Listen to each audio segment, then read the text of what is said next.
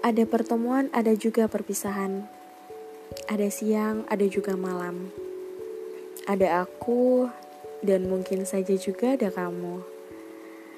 Terdengar lucu sih, ketika sebagian dari rencana Tuhan kita ditakdirkan untuk bertemu. Belum juga sempat aku memilikimu. Namun kenapa kau tergesa meninggalkanku? Mendengar hal itu, aku langsung bertanya kepadamu. Apa aku salah jika aku ingin bersamamu?